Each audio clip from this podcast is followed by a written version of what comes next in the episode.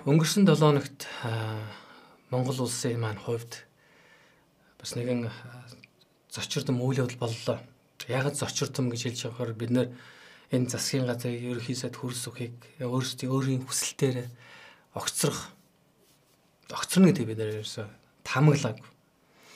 Ирэх жилүүдийн туршид дараагийн их хурлын сонгуул хүртлийн засгийн газар оршин тогтнож доктортой удирдлагаар бас Монгол улсаа хангаж бас өөрсдийн амлсан амлалтуудаа биелүүлж бас алхам явна гэж бас их найдаж байсан боловч тэгээд өнгөрсөн 7 хоногт тодорхой үйл явдлуудаас болж ялангуяа энэ ковидтай холбоотойгоор бас тэр нь дөнгөж төрсөн тэр эмэгтэйг халдвар авсан гэдгээр нь түүнийг одоо өөр имлүүлээ шилжүүлэхдээ тэр хүнлэг бус байдлыг гаргаснаас болж ерөнхий сайд маань би ажлаа хийж чадсангүй гэж хэлээд тэгээд ард түмнээс өвчлөгөөд огцорсон. За би хөрс өх ерөнхий сайдыг болон энэ засгийн газрыг сайн эсвэл муу ажилласан гэдэг дүгнэлтийг би өгөхгүй. Яг энэ хүндээ мөн эртт нь цаг хугацаа харуулах болно. Тэд нэр үнэхээр ажил үүснэ ямар байсныг. Харин би юунд харамсалтай байна гэхээр харамсалтай надад санагч байна гэхээр Монгол улсад манд доктортой удирдлагаар Монгол улс манд доктортой удирдлагаар хангахдаггүй байгаа нь үнэхээр харамсалтай.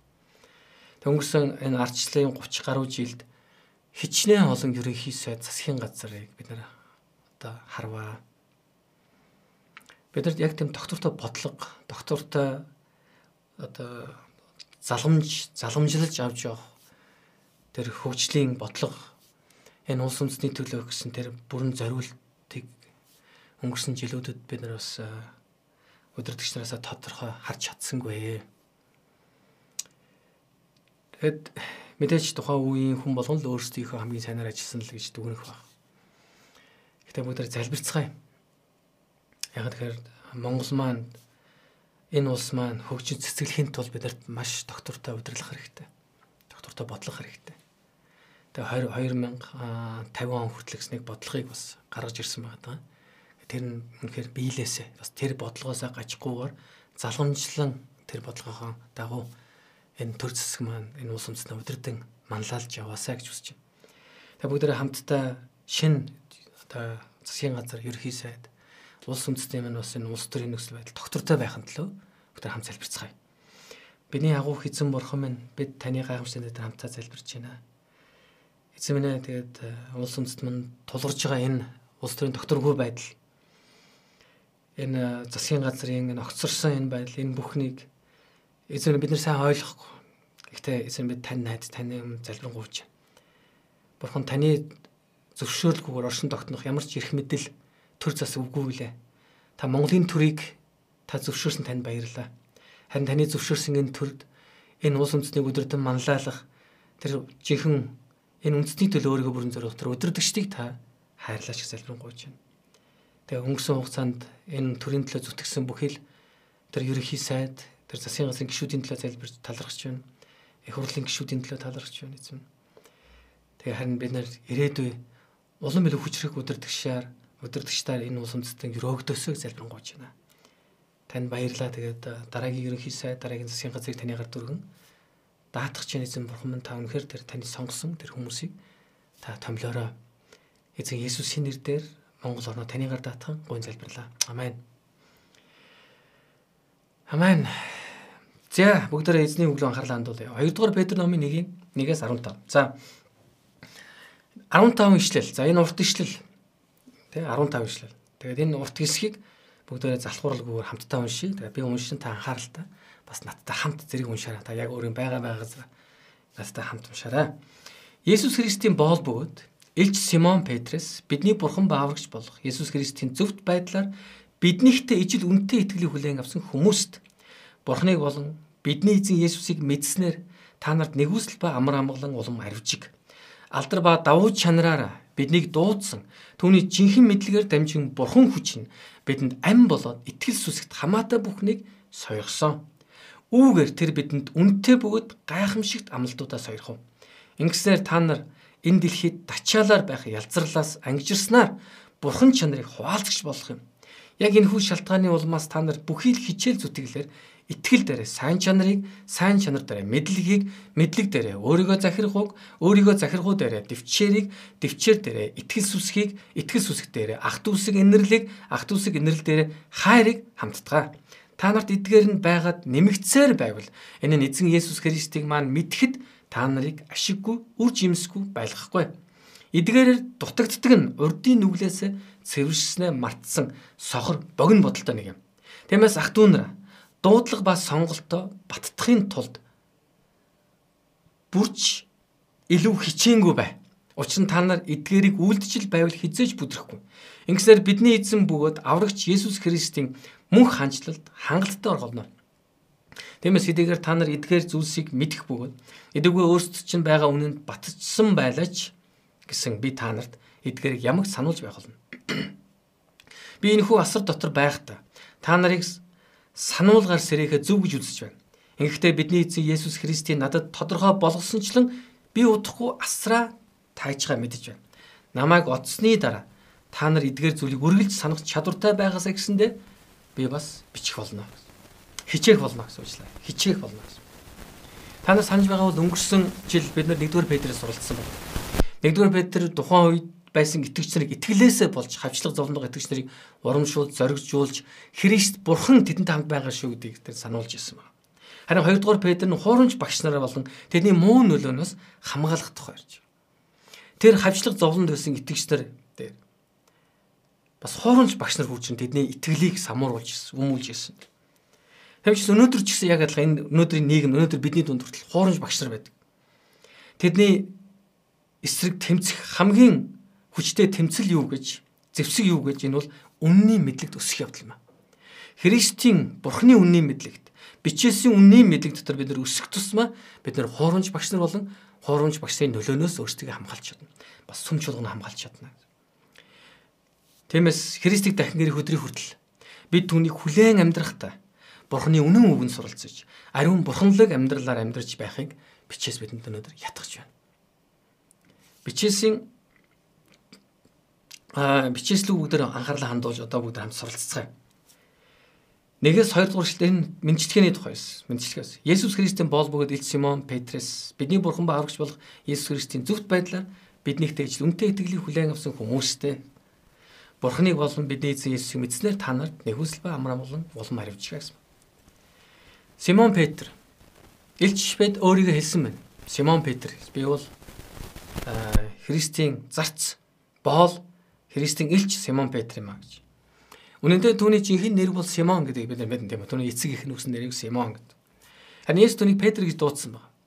Түүнийг Петр гэж дуудах тэр үед та нар санаж байгаа бол а Есүс Христэс Петр уруугаас өмнөх болсон үйл явдал байгаа. Тэгээд чи бол Петр. Нэгсэндээ тэ нэр хад гэдэг нэр өгсөн. Тэгээд түүнийг хад мэсүртэй байхыг бэлэгдэж өгсөн баг Есүс. Сонирхолтой Иесус Христ Петрийг урвна гэдгийг те Симоныг өөрөөс нь урвна гэдгийг мэдсэн хэрнээ чи бол хад байгаарай гэж хэлсэн. Үнэхээр бурхан ямар гайхамшигтай. Бурхан үргэлж биднийг одоо яг хэн байдаг вэ гэсээ гэхээс илүүгээр бидний хэн байж чадах вэ гэдэг бурхан харж идэг. Өнөөдөр өдөрдөгч байхыг хүсэж байгаа бол та үнэхээр өөрийгөө өдөрдөгч шаарч байвал одоо байгаагаар нь эсвэл өнгөрснөөр хүнийг битэд өгнээрээ. Харин тэр хүн хэн байж чадах вэ гэдгээр нь дүгнэж түүндээ харьцаар. Түүнийг бас хэн байж чадах вэ гэдэг нь үнэхээр харж тэр тэр байж чадах хамгийн бэст хамгийн сайн тэр хүн хувилбарлуун түүнийг бас урамшуул зоригжуулж байгаарай. Тэгээд энд хэлсэн байгаа Христийн боол бөгөөд илч гэж. Илч Петр өөрийгөө эхлээд Христийн боол гэж үзээд дараа нь түүний дуудлагын дагуух илчим гэдгээ тодорхойлж. Түүний илчим байр сураас илүү чухал нэг байр суурь байгаа нь тэр бол Христийн боол байна. Есүс Христийн боол байх гэдэг бол маш чухал ойлголт. Энэ нөхөр боол гэдэг бол эзнийхээ хүслийг биелүүлдэг. Петр юу хэлээд байна гэхээр би бол Христийн хүслийг биелүүлэгч түүний боол юм а гэж. Энэ түүний хувьд хамгийн чухал юм а гэсэн. Тэр өөрийнхөө хүмүүс танилцуулахад хамгийн түрүүнд юу хийсгээр би бол Христийн боол юм а гэдэг бичсэн байна. Хамгийн түрүүнд би бол Христийн боол. Ингэж бичээг. Би Есүс Христтэй яг хамт амьдарч ирсэн, хамт тоолож ундалж хамт өстой мөр мөрөө төвчлэн үйлчижсэн тэр элч гэж тэр өөргөө тодорхойлов. Тэр юу чилсэн гэхээр Христийн боол. Элч гэдэг нь бол хоёрдугаарт нь байсан байна. Үнэн дээр Паул илч байх талаар уучлаарай Петр илч болох талаар анх ямар ч мэдлэггүйгээр Есүсийг дагж ирсэн тодорхой. Түүнийг илч болгоно гэдэг тэр juste апостол болно гэдэг ямар ч юм бодлого зүгээр л Есүс Христосны намайг даг гэж иргээ тэр дагсан. Би та нарыг хүний загсчин болгоно гэхээр окей гэсэн. Гэтэ үндэ яг ямар үйлчлэлд юунд төхөл тавьж байгаа тэр тухайн үед бүрэн ухаарч амжаагүй л байсан баг. Тэгээ ямар тач тэр Есүсийг бүрэн зүр сэтгэлээр дагсан. Тэгээ тэр Есүсийн боолно гэдэг тунхагсан юм. Тухайн үед маш олон хүмүүс элч Петр гэж түүнийг маш ихээр хүндэтгэж түүний үг маш жинтэй байсан ч гэсэн Петр өөрийгөө элч гэдгээс илүүгээр Христийн боол гэж харж чадчихсан баг. Өнөөдөр итгэжтийн хувьд бид нэр Христийн боол гэдгээ үргэлж санаж явах хэрэгтэй. Христийн боол буюу бид нар тэр эзнийхээ хүслийг биелүүлж бидэнд өгсөн тэр зориг дуудлагыг биелүүлэхин төлөө өөрийгөө бүрэн зориулагч нэгэн байгаасаа гэж. Заримдаа бид нар яг Есүс Христийн боол, Есүс Христээр дуудагц нэгэн гэдгээс илүүгээр бид нар өөрсдөө хин нэгэн гэж харуулах гэж оролддог байна. Энэ харамсалтай. Би намайг хүмүүс хэн гэж харж байгаа бол намайг хүмүүс пастор гэж харж уу? Намайг хүмүүс ахлагч гэж харж уу? Үнэхээр тэр хүмүүс таныг хэн гэж харах нь тийм чухал зүйл биш ээ. Харин та өөрийнхөө Христийн хувьд хинбэ гэж шаардсан мөргөл чухал зүйл байх болно гэсэн. Та Христийн өмнө өөрийгөө оо би танаар сонгогдсон гэлчтэй. Би бол та та намайг дуудаа сонгосон гэлчтэй гэж хандах юм бол энэ энэ хандлага энэ харилцаа тэмж амжилттай үр дүнд хүрэхгүй. Харин та өөрийгөө тийм ээ эзэн би таны боол. Та намайг дуудсан баяр энэ бол таны над гэсэн гайхамшигтай ерөөлт хувь тавилан мөн гэж харах гэдэг нь энэ бол ерөөл байх болно гэсэн. Тэгээд үргэлжлүүлэн Есүс Христийн зөвхт байдлаар биднийхтэй ижил үнтэй итгэлийг хүлээн авсан хүмүүс гэсэн. Үнтэй итгэлийг хүлээн авсан Итгэл нь бидэнд өгөгдсөн тухай үйлч байна. Тэгвэл итгэлийг бид нар авахын тулд ямар нэгэн зүйл хийгээгүй. Ямар нэгэн даалгаврыг үүргийг биелүүлээгүй. Харин итгэлийг эзэн бидэнд бэлэг болгох гэсэн юм. Тэгэхээр дахин санууд үүнийг авахын тулд бид юу ч хийгээгүй санаарай. Та итгэлтэй болохын тулд юу ч юу ч хийгээгүй. Итгэл бол Бурханаас өгөгдсөн бэлэг, Бурханы нэгүслийн дагуух ивэл гэдгийг бид санах хэрэгтэй. Тэгээд энэ итгэлийн талаар юу ч хэлсэн бол энэ бол үнэтэй итгэл юм а гэсэн. Яагаад энэ итгэл тийм их ач холбогдол үнцэн өгөөд байгаа юм бэ? Яг гэвэл энэ хэд хэдэн зүйлийн тухай өгүүлж байгаа энэ итгэл нь өөрөө энэ итгэлийг бий болгохын тулд үнд цус, үнэт ам, үнэт амлалт зориулагдсан юм а. Есүс Христийн цус, Есүс Христийн ам, Есүс Христийн амлалт нь энэ зориулагдсан. Тэгээд энэ бас яагаад үндсэнтэй вэ гэхээр үнд бүтээл болох Бурхны үнд бүтээл болох хувь хүнийг хүнийг аврах түүний төлөвлөгөө хэрэгжих арга зам юм а. Итгэл юм. Тэм учраас энэ л үнэтэй. Бид хэн байх нь ердөөс чухал биш. Иврэ байна уу, харин үндэстэн байна уу, Монгол байна уу, Америк байна уу хэн байх аль чухал биш. Харин бидэнд бүхэнд яг адилхан итгэл өгөгдсөн гэдэг үргэлж санах хэрэгтэй. Петр хэлсэн байгаа бидэнтэй адилхан итгэл танарт байгаа гэж. Петр үнэхээр тэр Иврэ хүн тэр одоо юу гэдэг Есүс Христтэй яг хамт амьдарч ирсэн, Есүс Христийг яг сонсч ирсэн, дагж ирсэн тэр хүн мөн. Гэхдээ тэр юу гэж уучлаарай тэр юу гэж хэлсэн бэхээр та нарын дотор байгаа итгэл, миний дотор байгаа итгэл яг адилхан юм а гэсэн. Тэгэхээр энэ хүмүүс Бурхныг таньж мэдсээр энэ хүмүүсийн дээр Бурхан болон эзэн Есүсийн нэгүсэл ба амар тайван үргэлж ариун бэлгчих болно. Тэгээд цааш нь үргэлжлүүл юу ч хэлсэн гэхээр алдар ба давуу чанараараа биднийг дуудсан. Түүний жинхэнэ мэдлэгээр дамжин Бурхан хүч нь бидэнд ам болоод итгэл сүсэгт хамаатай бүхнийг сойрсон юм а. Үүгээр тэр бидэнд үнтэй бөгөөд гайхамшигтай амлалтуудаа сойрхов. Ингэснээр та нар энэ дэлхийд дачаалаар байх ялзарлаас ангижирснаар бурхан чанарыг хуваалцагч болох юм а гэж. Алдар ба давуу чанараараа биднийг дуудсан. Есүс Христэд биднийг дуудах давуу чанар байгаа. Нэгдүгээр тэр бол бүтээгч учраас. Түн давуу чанар байгаа. Тэр бидний бүтээсэн. Хоёрдугаар тэр бидний нүглийн төлөө өөрийгөө зориулсан учраас өөрийгөө бидний нүглийн төлөө өгж тэр үхээд оршуулгадад амилсан юм. Тэр нүглийг ялж биднийг авралт хүргэсэн яруу алдартай нэг юм аа. Тийм учраас түнд давуу чанар байгаа гэсэн. Мөн түүний сүр жавхлан яруу алдар нь биднийг түмэн рүү татдаг. Есүс Христ рүү биднийг татдаг. Тиймээс ийм гайхалтай нэгнэр дуудагдсан гэдгээ үргэлж санаж бурхан талархаж байх ёстой. Түүний жинхэнэ мэдлэгээр дамжин бурхан хүч нь бидэнд ам болоод итгэл сүсгт хамаатай бүхнийг бидэнд сойргосон. Бурханыг таньж мэдэх гэдэг нь өөрөө бүхий л амьдралд хэрэгтэй мэдлэг бидний амьдралд зөвхөн итгэлийн минь амьдралаас гадна бидний зүгээр энгийн өдөр тутмын амьдралд Бурхныг таньж мэдсэн мэдлэг өөрөө маш чухал үнцэнтэй ач холбогдолтой. Тэгээд энэ мэдлэгийг Бурхан хүчээр дамжуулан хүлээн авдаг гэсэн бид нар. Бурхан хүч гэж юу вэ? Тэгээ Бурхны divine гэж хэлсэн. Бурхны тэр тэнгэрлэг юр бүсийн хүч гэж юу вэ? Энэ бол орчин ертөнцийг бий болгосон хүч. Үнэн дээр хүмүүс бид нар Бурхныг таньж мэдээ гэхээс илүүгээр өөрийнхөө хувь тавилан өөрийгөө таньж мэдэх байдаг. Би яг хэн байх юм? Би яг пастор болох юм уу? Би яг ахлагч болох юм уу? Эсвэл би яг бизнесмен би яг хэн болох юм бэ гэдэг. Би тэгээ яг юу хийх юм бэ? Би ямар байр сууринд байх юм бэ? Би дарга байх юм уу? Цэрэг байх юм? Би хэн байх юм бэ гэдэг. Үндэ бидний хамгийн ихний асуулт маань бидний олж мэдэх ёстой зүйл маань би хэн байх вэ гэдгээс илүүгээр Христ бурхан хэн бэ гэдгийг мэдэх явдал юм аа. Та бурханы хэн бэ гэдгийг мэдчих мэдэх юм бол та өөрийгөө яах гэж энэ дэлхий дээр ирснээ мэднэ. Та өөрийгөө яах гэж энэ дэлхий дээр ирснээ мэдэх үед та юуны төлөө амьдрахаа ойлгох болно. Тэм учраас ан доктор би та бүхнийг эзэн Есүс нэр дээр ятгаж бас урайлаар урамшуулмаар.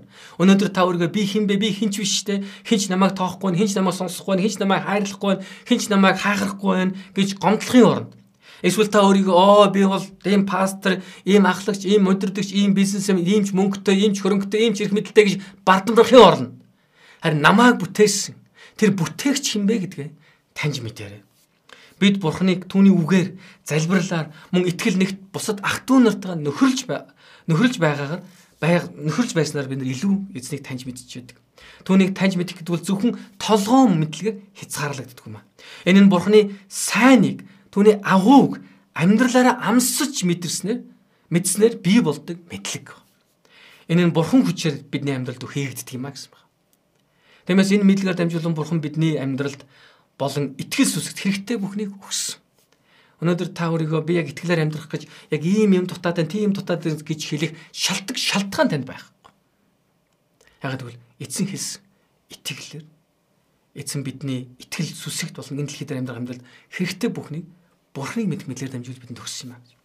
Цааш нь үргэлжлүүл ингэж хэлсмээр үүгээр тэр бидэнд үнэтэй бөгөөд гайхамшиг дамлалтуудаа сойрхов. Ингэсээр та нар энэ дэлхийд тачаалаар байх ялзрал ялзралаас ангижирснаар бурхан чанарыг хуваалцагч болох юм а гэсэн. Бурханы амлалт нь үнэтэй бөгөөд гайхамшигтай. Энэ амлалтаар дамжуул эзэн бидний төлөө энэ дэлхий дээр мэндэлж, амьдарч тэр бас зовж, цовдлогдож, оршуулгдсан. Мөн дахин амьсан юм а.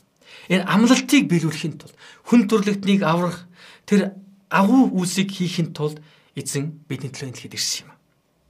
Тэр амлалтыг биелүүлэх гэж. Мөн түүний амлалт нь зөвхөн үүгээр хязгаарлагдаг. Тэр бидний төлөө 2000 жил гаруй жилийн тэртээ ингээд цовлогдож насраа тэр амлалтанд биелээд дуусаад одоо түүний амлалт ямар ч утга учиргүй уучлаарай ямар ч үн цэнгүй болцсон юм биш. Түүний амлалт одоо ч үргэлжилсээр л ба. Яг зөв энэ дэлхий дээр төрж байгаа төрж байгаа амьдарч байгаа сая сая тэр бүм тэр бүм хүмүүсийн төлөө бурхны амлалт үргэлжилсээр л байгаа гэсэн. Мөн тэрхүү амлалт нь биднийг энэ ялзарсан дэлхий дээр бурханлаг амьдралаар амьдрахад нь туслах болно. Бурхан өөрийнхөө амлалтыг маш өндөрт ач холбогдолтой гэж үздэг. Маш өндөрт өргөмжилдэг. Дуулал номын 138 дээр ингэж хэлсэн байна. Таны нэр талархын учир нь алдар нэр бүхнээс бүхнээсээ өндөрт амлалтаа та өргөмжилснийх юм а гэсэн. Бурхан амлалтаа өргөмжилсөн гэсэн. Яг бол бурхан өөрийнхөө хэлж байгаа үг бүхнийхээ өмнө хариуцлага үрдэг. Тэрний хэлж байгаа үг бүх нь хариуцлагатай. Үг бүх нь амлалтаар биелдэг. Тиймээс түүний амлалтад хизээж эргэлзэж болохгүй юм. Ром номын 3-4 дээр ингэж хэлсэн байна. Тийм бишээ хүн бүр худалж байсан ч бурхан үнэн. Энэ нь тэр та энэ нь та үгсээрээ зөвтгөгдөж та шүүхтэгтэй ялна гэж бичигдэж гэсэн. Нэгснөө бурханы амнаас гарч байгаа үг түүний хэлэгдсэн тэр үг бүр эцэст нь ямар ч шүүлтэнд бүдрэхгүй маа гэж бурхан үгсээр зөвтгөх болно гэсэн. Тиймээс түүний амлалт бол үнэтэй бөгөөд гайхамшигтай. Мөн энэ гайхалтай зүйл бол энэ гайхалтай амлалт нь зөвхөн еврейчүүдээр хязгаарлагдаагүй гэдгийг харь үндэстэн итгэгч нарт Илч Петр хэлж байгаа, бичиж байгаа. Ингэснээр та нар түүний бурхан чанарыг хуваалцаж түүний хүүхдүүд болсон юм а гэсэн. Та санаж байгаас тэр бурхан чанар гэдэг дээр хоёр хоёр удаа юм хэрэгж байна. Тэр бурхан хүч одоо бурхан чанар гэж. Нэгснэ divine power одоо divine nature гэж тийм үү? Англиар тэгээс. Эсвэл бурханы тэр хүч бурханы тэр юр бусын хүч бас бурханы тэр юр бусын чанар гэдэг. Тэгэхээр энийг эзэн бидэнд өгсөн ба. Аа тэгээд юу ч хэлсэн гэхээр Галат 4-р бүлгийн 6-аас 7-аар бид нар харж байгаа юу ч хэлсэн гэхээр та нар бол хөвгүүд нь мөн тул бурхан өөрийн хүүгийн сүнсийг бидний зүрхэнд илгээсэн байна. Тэр сүнс Аба, Аава гэж дууддаг. Тиймээс чи цаашид зарц биш харин хүн юм. Хэрэг хүн юм бол Бурханаар дамжин өв залгамжлагч нь ч бас муу юм а гэсэн. Одоо энэ юу болж бид нэр эзэн өөрийнхөө сүнсийг өгөөд тэр сүнсээр дамжуулж бид нэр Бурханыг ааваа гэж дуудах эрэхтэй тийм боломжтой болсон юм а гэсэн. Энэ бол үнэхээр Бурханыг ямар их хайр юм бас өгөөмөр Бурхан бай гэдгийг бидэнд харуулдаг. Учир Бурхан биднийг гэм нүглээс тамаас аварч мөнхийн уст оруулахдаа заавал Бурхан хүчийг өгж эсвэл заавал Бурхан чанарыг хуваалцагч болгох ёстой байгаагүй. Яг бол ингэхгүйгээр Бурхан бүгдийг хийж чадах байсан. Тэр зүгээр л итэг тэгэд мөнхийн улсад орно. Зүгээр итгээд айтайхан амьджээ. Тэгээ нэг л өдөр мөнхийн улс та нар орно гэд Бурхан тэрийг бас хэрэгжүүлж чадхал байсан. Гэтэл үнэндээ эзэн биднийг өөрийнхөө divine чанар буюу тэр тэнгэрлэг бурхан чанарыг хуваалцагч байгаасаа гэж байна. Энэ яг л эзэн Есүс Христ нөгөө хоёр дахь бэрийн хүн байгаарай гэж өөрийнхөө сургаал зүрээр хэлчихсэнтэй адилхан юм. Тэр евдэчүүдэд хандаж Израильч хандж хэлчихсэн. Та нар хоёр дахь бэрийн хүн байгаарай. Энэ юу ч хэн нэгэн хүн та нартай нэг бэрийн явахыг хүсч байвал явъя гэж хэлжээл та нар хоёр бэр тэр хүнтэй хамт явж өгөөрэй. Чи нэг хүн тусламж хэрэгтэй бол тэр тусламжаас нь илүү зүйлийг та хийж өгөөрэй гэсэн. Яг бурхан өөрөө юм учраас. Бурхан зүгээр авралыг нэг яаж хийж байгаа нэг нэг ядаргаатай хідэн нэстэй гаруудыг нэг яаж хийж байгаа аварч заа заа. Тэгэл явтай болно доо ингэсэж байгаа. За ингээд яг итгэж мэтгээд ингээд явж байгаад болчихноо гэсэн ийм хайн хандааг эзэн ясгэр маш нухацтай маш зоригтойгоор тэр зүгээр л хүнийг аврах гэдэг ажлыг тэр өөрийнхөө хүчээр өөрийнхөө бүрэн хүч чадлаар мөн өөрийнхөө бүрэн тэр чанарыг хуваалцагч болгож хийхийг хүссэн байна. Тэгэд бурхны бурхан чанарыг хуваалцагч бид нар энэ дэлхийн тэгин ялзарсан тачаалд үл хүлэгдэн амьдрах чадaltaй нэгэн болохын тулд эзэн бурхан хүчийг бидэнд өгсөн байна. Тэгэхээр энэ дэлхийн ялзарсан тэр хүсэл тачаад хүлэгдэж амьдрахгүй байх хэрэгтэй. Тэхийн тулд одоо бид нэр дараагийн зүйлсийг харж байна. Яг энэ хүү шалтгааны улмаас та нар бүхэл хичээл зүтгэлээр итгэл дээрээ сайн чанарыг, сайн чанар дээр мэдлэгийг, мэдлэг дээрээ өөрийгөө захирах үг, өөрийгөө захирахуу дээрээ төвчээрийг, төвчээр дээрээ итгэл сүсгийг, итгэл сүсэг дээрээ ах トゥ усыг инэрлийг, ах トゥ усыг инэрл дээрээ хайрыг хамтдгаараа гэсэн байна. Бүхэл хичээл зүтгэлээр гэсэн. Бид нэр бурхны бурхан чанарыг хуваалцагч болоод түүний үр хүүхэд нь бас түүний хүүхэд болсон. Түүнээр сонгогдож, түүнээр дуудагдсан хүүхэд нь болсон ба.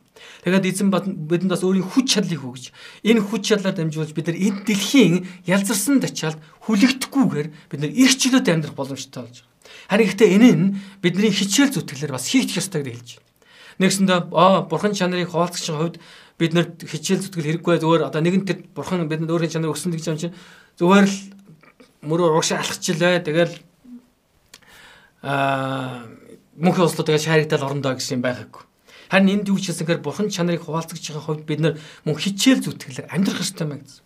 Итгэлийн хүн бид бурханы хүүхэд байж амьдрах гэдэг бол нэг өдрийн дотор болчиход үйл явдал биш. Мэдээж бурханы хүүхэд болох гэдэг нь нүд төрийн зур. Харин бурханы хүүхэд байж амьдрах гэдэг бол өдөр бүр бид нэр өсөх ёстой. Үргэлж суралцах ёстой зүйл байна. Тэгээс хичээл зүтгэлтэй байх ёстой юм Зүгээр нэг өдөр хоногийн өнгөрөөснөр эсвэл яг шаардлага гарах үед эзэн хандан гой залбираа бурхан минь өгчөөж өгчөөж гэж гуйлагчин залбирлаар залбирснаар өндөө бид нар бурхан чанарыг хуалцагч бөгөөд бурханы хүчийг бид амьдралдаа харж амьдрах боломжгүй. Харин бидний зүтгэхэр гэсэн тэмцэгч байгаа. Хичээл зүтгэлтэй байгаараа гэсэн. Тэгээд энд юу ч хэлсэн итгэл дээрээ сайн чанарыг сайн чанар дээр мэдлэгийг мэдлэг дээрээ өөрийгөө захирах уу өөрийгөө захирахуу дээрээ төвчээрийг төвчээр дээр итгэл сүсгийг итгэл сүсэг дээр ах トゥ усыг инэрлийг ах トゥ усыг инэрл дээрээ хайрыг хамтдгаараа гэсэн. Тэгээс бидний итгэл итгэлийн амьдрал хагас дутуу байж болохгүй гэж. Ганцхан итгэл байхад бүх юм хэрэггүй бүх юм шаардлага зүгээр итгэлээр зүгээр итгэцэн итгэлээр л уурш явж хад бүх юм бүтэн болно гэсэн ийм өрөөсгөл хандлагатай байж болохгүй гэсэн. Яг бол итгэлтэй хамтарч ажиллах Яста гар гараасаа бариад хамтарч ажиллах ёстой зүйлийн тухай чинь. Итгэл дээр чинь шан сайн чанар байх ёстой. Итгэл дээр чинь мэдлэг байх ёстой. Итгэл дээр чинь итгэл дээр чинь өөрийгөө захирхуу байх байх ёстой. Өөрийгөө итгэл дээр чинь төвчээр байх ёстой. Төвчээр дээр биш итгэл дээр чинь итгэл сүсгэх байх ёстой. Итгэл дээр ах トゥ усыг инэрл байх ёстой. Итгэл дээр бас юу байх ёстой? Хайр байх ёстой гэсэн. Тэгэхээр эдгээр бүх зүйл нь итгэлтэй хамт ажилтдаг юм а гэж ойлгох хэрэгтэй. Дахиад гар гараасаа бид хамтдаа ажиллах хэрэгтэй. Үүнээс харах юм бол бурхан биднийг амьдралын бүхий л талд хүчтэй байгаасаа гэж үзэж байгаа. Тэгэхээр саяны хэлсэн энэ бүх чанар ихэр хүний амьдралын хамгийн чухал нэг чанар бөгөөд чанар бол харилцаан дээр бидний хөгжүүлэх чанарын тухай ярьж байна. Сайн чанар, мэдлэг, өөрийгөө захирах, төвчээр, сүсэг, энэрл, хайр энэ бол хүн төрлөختний үнд суур болсон харилцааны маш чухал зүйлс. Энэ чанарыг бидний дотор агуулж яваасаа гэж үссэн байна. Тэгэхээр энэ нэг нэг зүйл би илүү тодтогч хэлмээр. Хайр бол итгэлийн амьдралын хамгийн чухал давуу давуу тал гэдгийг бид ойлгох хэрэгтэй. Яг л Галаад номд юу гэж өгүүлсэн бэхээр хайраар ажилдаг итгэл гэж хэлсэн байдаг. Тэм ч бас итгэл хайр үргэлж хамтдаа ажилдаг гэсэн.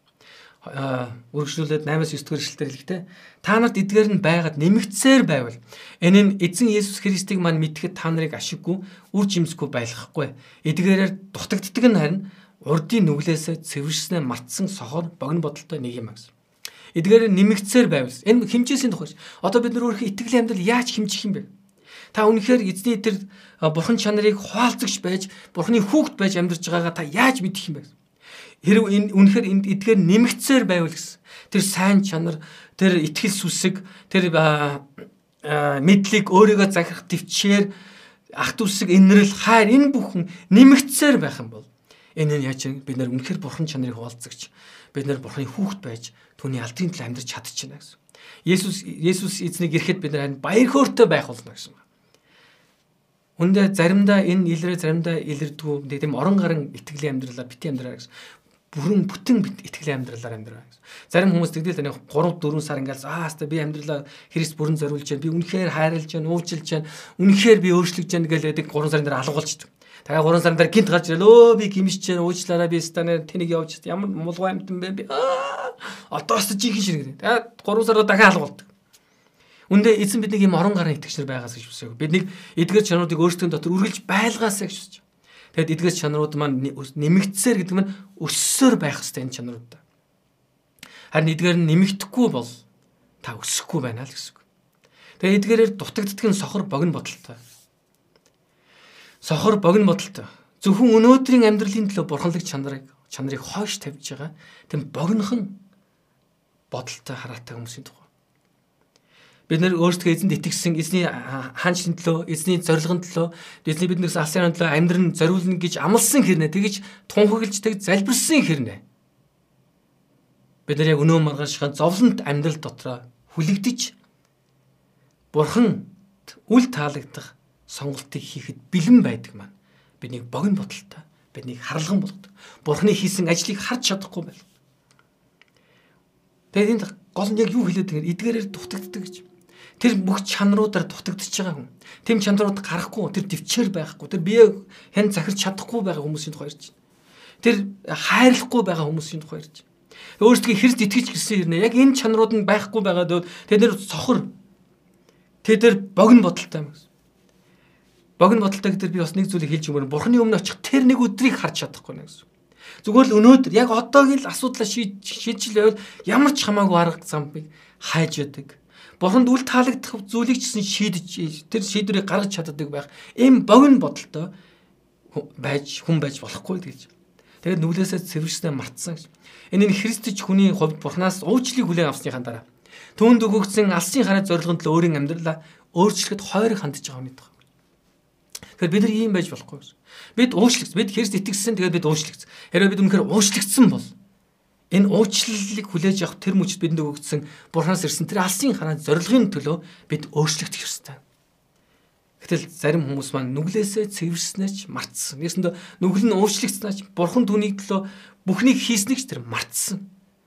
Тэгээд тэр зөвхөн богино тэр бодол тэр харалган байдлаасаа болж энэ дэлхийн ялдарсан амьдралд живсэн байдаг. Харин эзэн бидний бүх тийм байгаасаа гэж үсэж байна. Тэгэд энэ багц ишлийн төгсгөлийн хэсэг рүү орж байна. 10-аас эхлэх би уншия. Тиймээс ах トゥ нараа дуудлага ба сонголтоо баттахын тулд бүр жилийн хүчээнгүй бай. Учир нь та нар эдгээрийг үлдчил байвал хизээж бүдрэхгүй. Ингэснээр бидний эзэн бөгөөд аврагч Есүс Христийн мөнх ханчлалд хангалттай орох болно. Тиймээс хэдийгээр та нар эдгээр зүйлсийг мэдэх бөгөөд эдийгөө өөрсдөд чинь байгаа үнэнд батчсан байлаа ч гэсэн би та нарт эдгээрийг ямаг сануулж байх болно. Би энэ хүү асар дотор байхдаа та нарыг сануулгаар сэрээхэ зөв гэж үзэж байна. Ингэхдээ бидний эзэн Есүс Христийг надад тодорхой болгосончлон би удахгүй асраа тайжхаа мэдэж байна. Намайг оцсны дараа та нар эдгээр зүйлийг үргэлж санах чадвартай байгаасаа гэсэндээ би бас хичээх болно гэсэн. Дахиад хичээх тухай ярьж байгаа. Хичээнгүй байгаарай гэж. Ах トゥ нараа дуудлагаа сонголтоо бацхын тулд бүр илүү хичээнгүй байгаарай. Бид үйлсээр биш итгэлээр харагдсан ч итгэлийн амьдралдаа хичээнгүй байх хэрэгтэй гэдгийг хэлж байгаа. Яг Яаков элч элч Яаковаар дамжуулж Яаков ном бичгсний дагуу. Оо надад итгэл байна. Чам чи итгэлээ үйлсээр харуул би итгэлээ үйлсгүйгээр харуулъя гэж бид нар ярих боломжгүй гэсэн. Тэгэд итгэл үйлсгүй бол үхмэл байх болно гэсэн. Тэмчээс хэдийгээр бид итгэлээр аврагдсан ч гэсэн харин тэр итгэл биднийг үйлслүү дагуулж идэг. Өдөрдөж манлайлж идэг. Тэмчээс танд үнэхээр итгэл байгаа бол таны та итгэлийн амьдралд хичээнгүй бөгөөд бөгөөд бурхан таалагдсан үйлсээр дүүрэн амьдрах болно. Итгэсэн бол яаж ч амьдрсан яадаг юм гэсэн хаан үн цэнгүй амьдралаар бүү амьдраарай. Харин жинхэнэ итгэл биднийг Бурхны үгээр өөрчилж, Бурхан руу биднийг ортуулж яадаг. Тиймээс дээрх өгүүлсэн зүйлсийг үлдэж өссөөр байх нь дэлхийд биднийг бүдрэхгүй байх болно гэсэн. Тэр чанаруудын тухайлж. Тэр чанаруудыг бид нар үлдчихлэх юм. Тэр хайрыг, тэр бие хэн захирахыг, тэр итгэлээр амьдрахыг энэ бүхнийг үлдчихлэх юм бол бид энэ дэлхий дээр бүдрэхгүй болно гэсэн. Ингэснээр бид нар эдгээр чанаруудыг биелүүлж, амьдралдаа хэрэгжүүлж амьдрснаар Ром 8:29-д бичсний дагуу Бурхны хүслийг бид нар биелүүлэх болно. Энэ юу гэж? Ром 8:29-д ингэж хэлсэн байна. Тэр өөрийн хүүг олон ах дүүсийн дунд ууг нь байлгахын тулд урдаас мэдсэн хүмүүсээ тэр бас түүний дүртэй адил болохоор урдаас мэдж тогтоосон юм аа. Тэр юу гэж хэлсэн бэ гэхээр түүний хүүгийн дүртэй адил болохоор бидний өснөө гэсэн байна. Тэгмчээс бид эзний тэр зан чанар эзний дүүрэн хүртэл бид суралцаж бид өсөх ёстой юм. Үнэхээр дуудагдж сонгогдсон бол дээрх зүйлс нь бидний амьдралд нэмэгдсээр байдаг бөгөөд бид үнийг зүрхэндээ мэдэж мөн хүмүүс бидний эргэн тойрон бидний хамт амьдарч байгаа хүмүүсийг гэрчилж байдаг. Та өөрийгөө хичнээн сайн болж, хичнээн зөв болж гэнэ гэж хэлсэн ч харин хүмүүс энийг гэрчлэхгүй байгаа бол та ямар нэгэн зүйл буруу байна гэдгийг үргэлж санаарай. Илч Петр итгэж нарыг мөнхийн улсад ороход баталгаатай гэдгийг мэдж мөн мөнхийн улс улсын хаалгаар орох үед баяр хөөртөөр бид нэг утаж авна гэсэн итгэл найдвартай байгаасаа гэж хэлсэн. Тэр юу гэж хэлсэн бэ? Хангалттай орно гэсэн байна. Мөнхийн улс хангалттай. Мөнхийн улс хангалттай орно. Тэгэхээр мөнхийн улс хангалттай орно гэдэг нь тэр мөнхийн улсын үе тал бидэнд нээгдсэн байгаа юм. Бид итгэлээр дамжуулж тэр авралыг хүлээж авсан хүмүүс юу? Мөн хичээл зүтгэлээрээ Есүс итгэлийг итгэлээ харуулж Христийг алдаршуулж амьдарч амьдэрсэн хүмүүсийн хувьд мөнхийн улсын үе талга бидний өмнө wide open гэсэн гэж гэж хэлдэг юм. Маш томор нэгц. Тэгээд тэнд баяр хөөртөөр ухтаж авах болно гэсэн. Тэгээс ийм урам зоригтой байна. Тэрээс ёо заас би яста аврагдах ч юм уу, авдах ч юм уу, мөнхөөсд орох ч юм уу, үгүй ч юм уу гэсэн эргэлзээгээд бүү амьдраа. Энэ эргэлзээг юу зайлуулна гэж та Бурхны үгийн дагуу саяны хэлсэн тэр чанаруудыг итгэл дээр тэр чанаруудыг байлгаж тэр мөн чанарууд дотор амьдарч Бурхан чанарыг хуваалцагч байх үед үндэ та танд тэр итгэл байна. Мөнхөө устдаа. Өнөөдөр би энэ дэлхийгээс явах юм бол би мөнхийн уст орох. Найдвартай мөнхийн уст орох болно. Энэ итгэл найдвартай амьдраарай.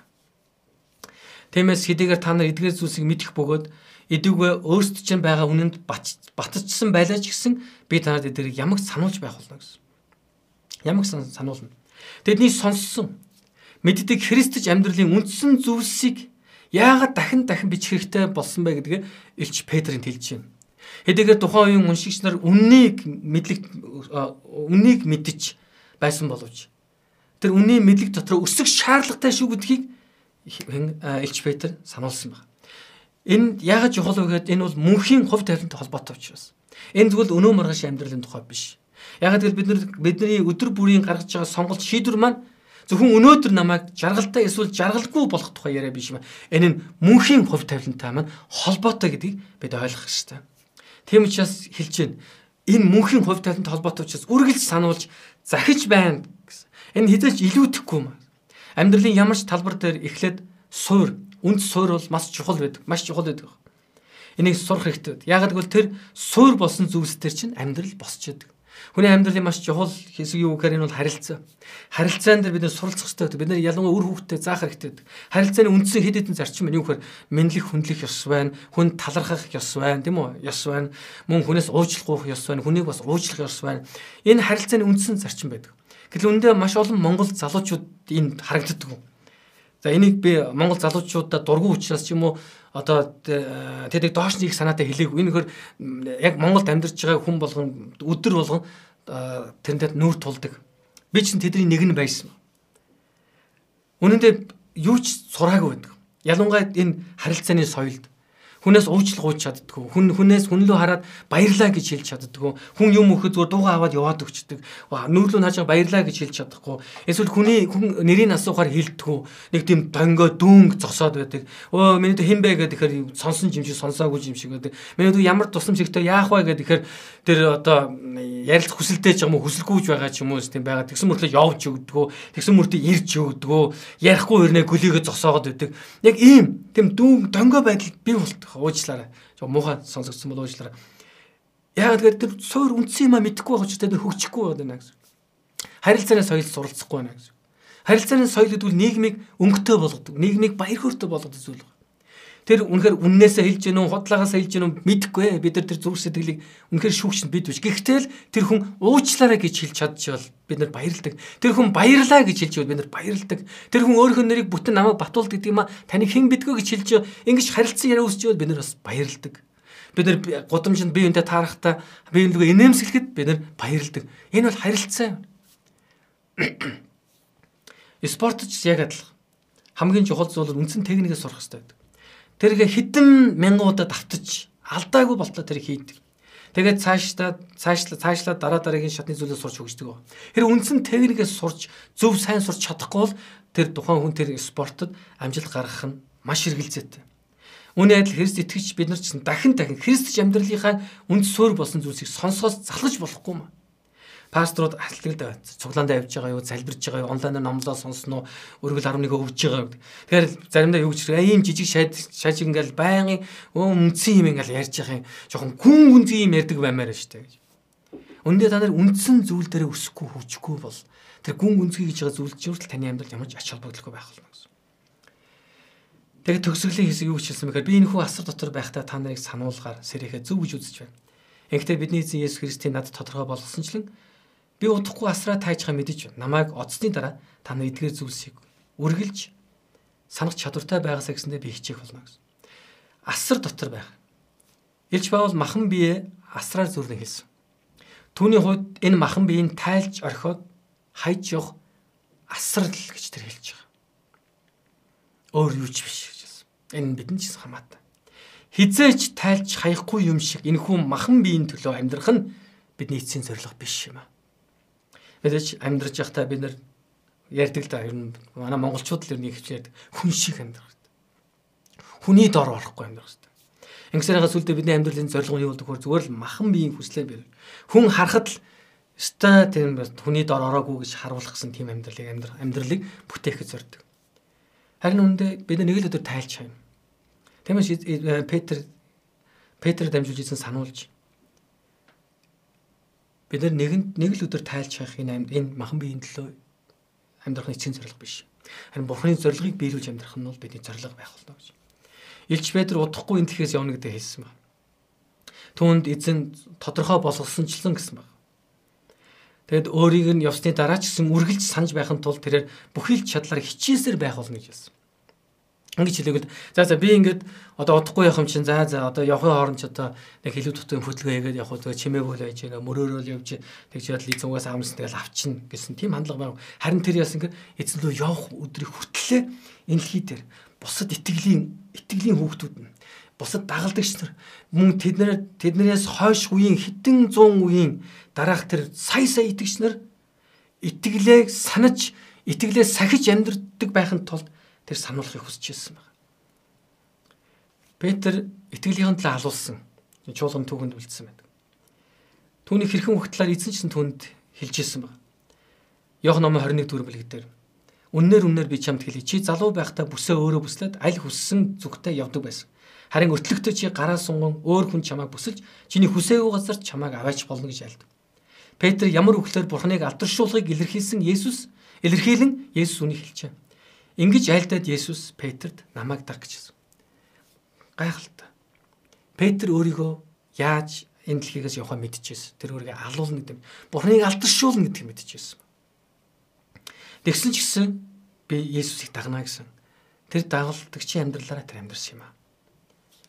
Мөн Петр элч нарын үед дуусах болно гэдгийг тэр мэдчихсэн байна. Элч нарын үед тэр дуусгана. Тэгэхээр юу үлдэх вэ? Мэдээж дагалдагч нар үлдэнэ. Гэхдээ тэр дагалдагч нарт яг юу үлдэх вэ? Тэр дагалдагчны гар дээр үлдэх зүйл юу гэхээр эдгээр элч нарын бичиж үлдээсэн цагтлууд юм аа.